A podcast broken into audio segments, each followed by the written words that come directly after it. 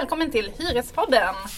Välkomna allihop. Idag har vi en, en allvarlig, eh, ett allvarligt avsnitt. Vi ska prata om ett, alla, ett viktigt ämne. Ett jätteviktigt ämne. Marknadshyra. Alltså hyressättningssystemet. Ja. Det är kanske är många tro, som tror att vi har marknadshyra men, men det har vi ju inte. Nej, det, det har vi inte. Vi har ju bruksvärdeshyra idag. Ja, och det är ju kan man säga ett mellanting mellan reglerad eh, hyressättning och marknadshyra. Mm. Och vi hade ju reglerad hyressättning fram tills eh, 60-talet. Mm. Och då, 60-talet, så kom då eh, bruksvärdessystemet. Mm. Förklara Christian, vad är bruksvärdessystemet? Mm. Väldigt förenklat och kort så, så innebär ju det att eh, hyran förhandlas fram. Eh, man förhandlar fastighetsägaren på ena sidan, hyresgästerna på andra, kollektivt genom Hyresgästföreningen förhandlar fram ett bruksvärde på lägenheten. Och det tar ju då hänsyn till till exempel standard, eh, utrustning i lägenheten, tillgång till gemensamma utrymmen som tvättstuga, trapphus, gård. Eh, men även läget i staden vägs in. Men det viktiga här är ju att det sker en förhandling. Va? Det är det som är lite den svenska modellen. Det förhandlas mellan parterna och efter det sätts en skälig och rättvis hyra. Mm. Och, och, en viktig grej här är att det ska ju vara lika hyror för likvärdiga lägenheter. Det ska som sagt vara rättvisa mm. hyror. Mm. Och sen är det också viktigt att hyrorna är skäliga. Att man har råd att betala hyran mm. eh, och att inte, inte hyrorna skjuts upp i höjden. Det ska vara förutsägbart. Ja. ja. Och då till skillnad då från det så kan vi säga att marknadshyra där kommer ju fastighetsägaren själv få sätta hyran. Det kommer inte ske någon förhandling. Nej. Det är helt upp till fastighetsägaren att bestämma. Den här hyran vill jag ha. Take it or leave it. Ja. Sen måste man ju också säga att det är ju utifrån efterfrågan det sker. Ju. Definitivt. Men har man en bostadsbrist som vi har i Sverige mm.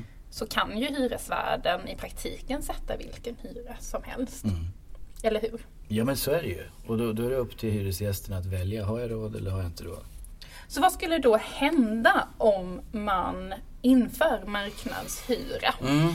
Det skulle den det, första konsekvensen, eller kanske den, den konsekvensen man skulle se. Mm. Eh, först ja, är ja. kraftiga hyreshöjningar. Exakt. Vi, vi har ju låtit ett analysföretag som heter Rambull göra en, en, en analys, en rapport på vad det skulle innebära om man införde marknadshyra. Och de, de kom ju fram till att först och främst skulle hyran gå upp kraftigt. Mm. Eh, Stockholmsregionen 50 procent i snitt.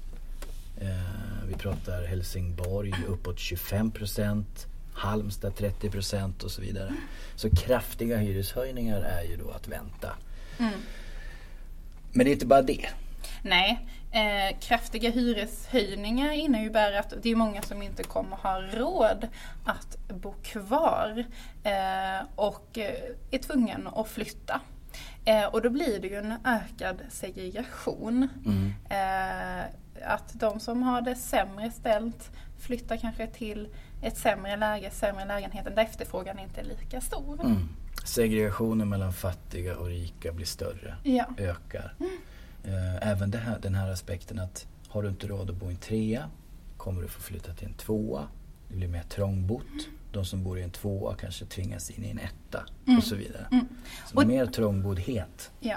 Och en annan konsekvens är att det kan bli höga kostnader för samhället. Mm. Eh, för att eh, det kan ju vara så att man har svårt att betala sin hyra. Då får samhället eh, lägga ut större kostnader då på bostadstillägg, bostadsbidrag, försörjningsstöd. Mm. Eh, och sen är det ju också att eh, ökade eh, hyror innebär att man får mindre konsumtionsutrymme mm. för annat. Där pratar ju Rambull om, om uppåt 15 procent i snitt ja. i minskat mm. konsumtionsutrymme. Mm. Och då pratar man ju också om minskade intäkter till staten. Mm. Man kan ha mindre pengar i plånboken helt enkelt. Ja, och, precis. Mm. Eh, sen tänker jag också på det här med uh, den, här svenska modellen handlar ju mycket som vi har sagt om rättvisa, skälighet och så vidare. Men också det här att bostaden är ju inte, kanske inte vilken vara som helst. Du Nej. kan ju inte välja bort en bostad.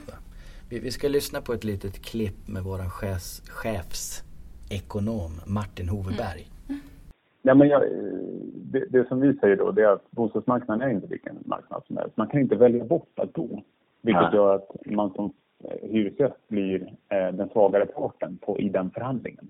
Mm. Och det är därför vi säger att vi måste ha rätten att gå ihop och förhandla de här hyrorna. Eh, för att se till att det blir, en, att det blir rimliga hyror. Det, är, det är inte som, eh, det är inte som vilken vara som helst på marknaden. Nej. Utan... Nej, men det är ju inte det. Nej. Eh, vi kan inte välja bort att bo helt enkelt. Eh, och sen finns det en massa andra saker. Det finns inte tillräckligt med, alltså mark och jord är också en bristvara. Så att eh, någonstans så, det, det, finns en rad olika saker som gör att den här marknaden är inte vilken eh, marknad som helst och det är inte vilken vara som helst. Ja, det var alltså Martin Hoveberg, chefsekonom på förbundet Hyresgästföreningen. Eh, bostaden är inte vilken vara som helst. Nej. Alltså bostaden är så oerhört viktigt för trygghet och att man vill bo kvar i sin, sin bostad där man har bott kanske i några år. Eh, och det är ju det som är fint med vårt system idag. För det är starkt kopplat till besittningsskyddet. Mm, alltså och, rätten att bo kvar. Ja, det är det jag tänkte förklara här. Mm. För det är kanske så många som frågar, vad är nu besittningsskydd? De kanske har hört talas om det men vet inte riktigt. Mm. Mm. Jo, det är ju den principiella rätten att få bo kvar i sin lägenhet när hyresvärden säger upp avtalet, alltså mm. hyresavtalet. Um, och det innebär att hyresvärden kan inte bara säga upp hur som helst. Uh, och hyresgästen måste flytta utan det här ska prövas mm. av en domstol, hyresnämnden mm. oftast, mm. Eh, om, om man har gjort någonting som bryter besittningsskyddet så att man måste flytta. Eh, men inför man marknadshyra så blir det här besittningsskyddet poänglöst.